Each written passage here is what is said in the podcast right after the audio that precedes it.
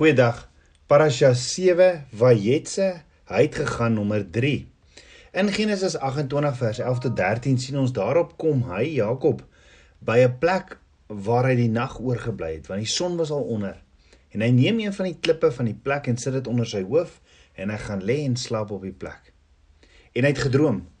Daar's 'n leer op die aarde opgerig waarvan die spits tot aan die hemel reik terwyl die engele van God daarlangs opgeklim en daarlangs neergedaal het. En kyk, die Here het bo aangestaan en gesê: Ek is die Here, die God van jou vader Abraham en die God van Isak.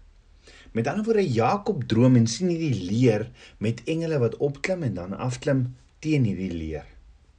Ons het gister gesien is dis dieselfde leer waarvan Yeshua praat in Johannes 1 vers 52 waar hy vir Nataneel hulle sê Voorwaar voorwaar ek sê vir julle, van nou af sal julle die hemele geopen sien en die engele van God opklim en neerdal op die seun van die mens.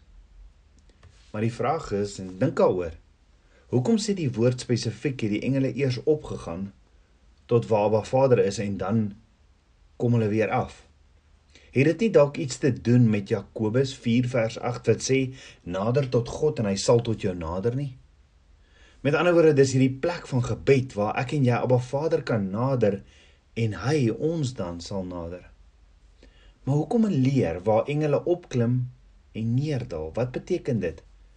Dit beteken Yeshua is my en jou leer om by Abba Vader uit te kom.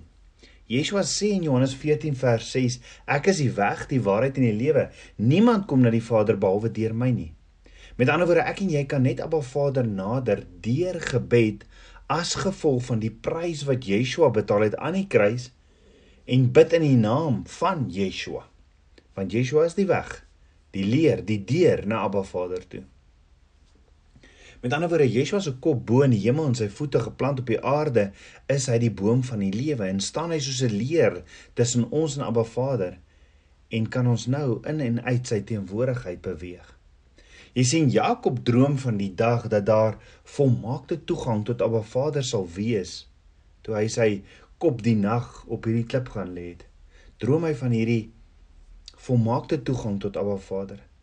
En Yeshua kom sê vir Nathanael die leer waarteen die engele opgaan en afgaan is ek self.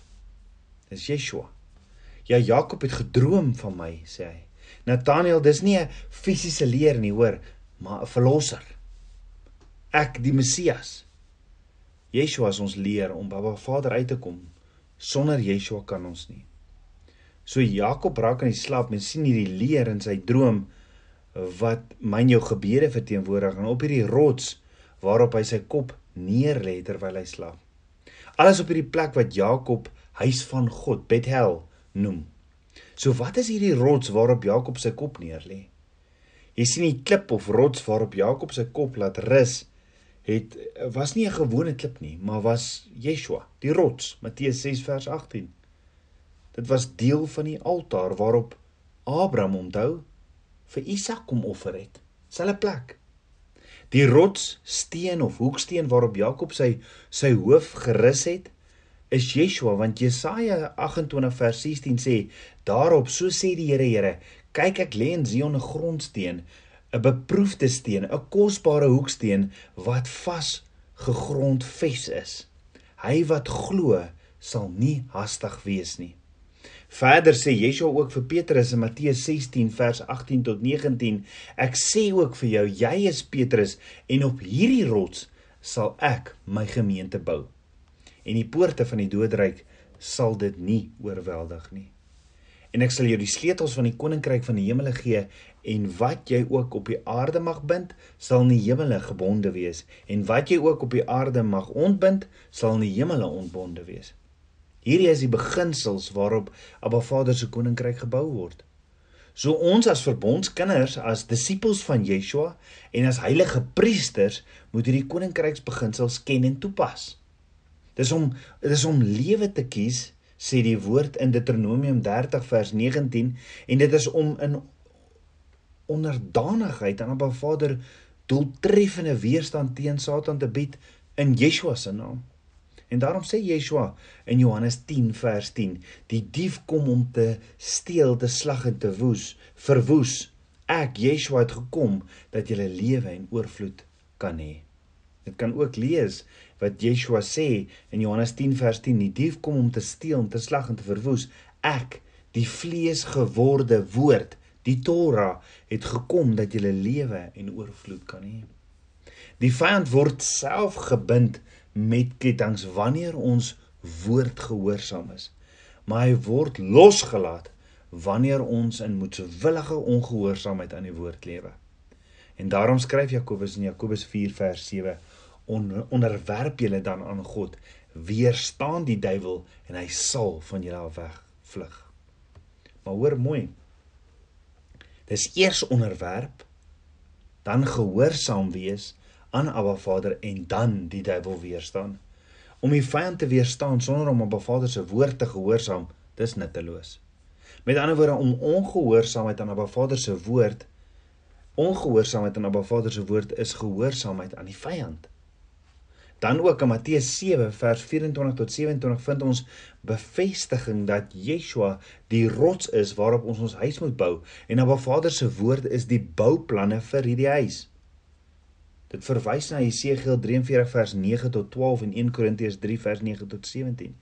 Dis op hierdie plek, die huis van Abba Vader waar ons met hom kan praat, waar Yeshua die rots is van die huis van Abba Vader en waar Yeshua die leer is dat ons met Abba Vader kan praat en hoor.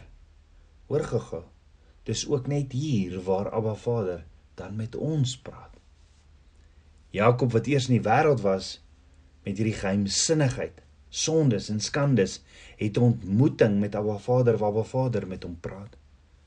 Nathanael wat eers sy skandes weggesteek het onder die vyeboom weens sondes, het ontmoeting met die gesalfde een wat met hom praat.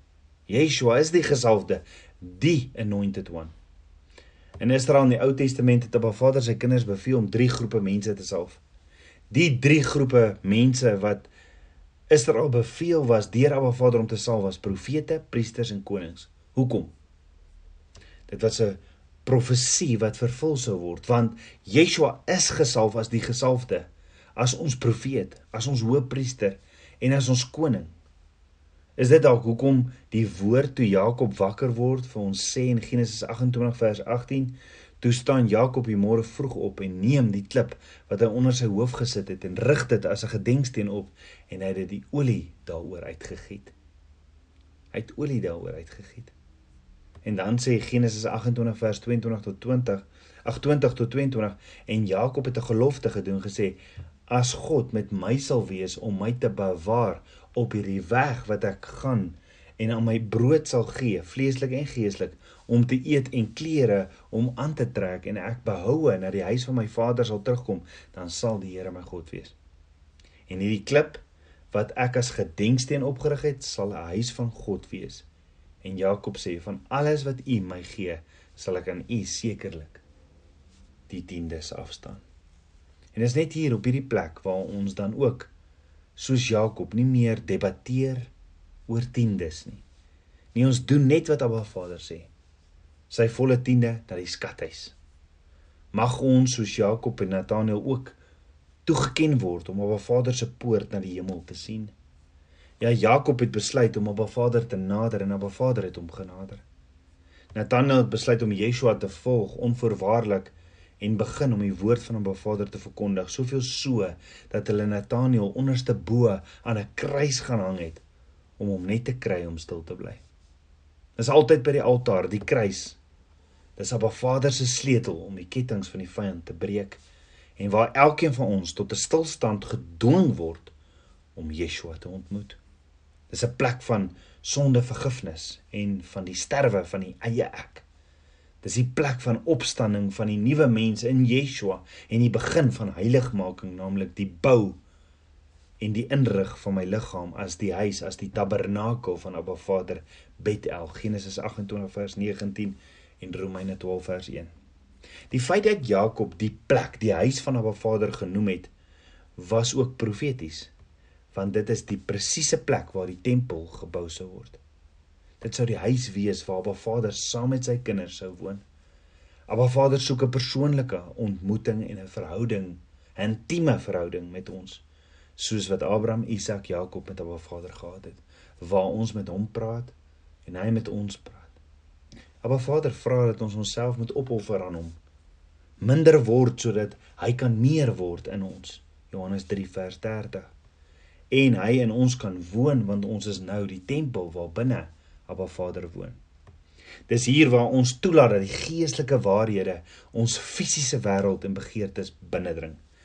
Dan het jy ook 'n hartsbegeerte om soos Deuteronomium 6 vers uh, eh, 4 tot 9 te handel wat sê dat jy Abba Vader met jou hele hart, met jou hele siel, met jou hele verstand sal lief hê. Abba Vader as die enigste ware God erken, sy woord leef in gehoorsaamheid, sy woord liefhet sy woord aan jou kinders leer wanneer jy opstaan, op reis gaan en in jou huis sit. Wanneer jy Abba Vader toelaat om sy woord op jou hart te skryf en dit self ook op jou voorkop, arms en voordeur skryf. Jy sien toe Jakob wakker geword het, het hy geweet dat hierdie 'n lewensveranderende ondervinding was. Niks sou meer dieselfde wees nie. Nie net met homself wat homself aanbetref nie, maar ook vir toekomstige geslagte en ook vir my en ja. Kom ons bid saam. Aba Vader koning van my hart, ek loof en prys U. Vader, dankie, dankie dat U my so liefhet dat U enige gebore seun gegee het sodat ek wat in hom glo as my rots, as my leer nie verlore mag gaan nie, maar die ewige lewe kan hê. Dankie dat die vyand geen kettinge het om my te bind, om my te stop om die volle droom wat U vir my het te leef nie. Hier is my hart. Hier is my lewe. I surrender all. Ek bid dit alles in Yeshua, Hamasieg se naam, die seun van Jahweh. Shalom.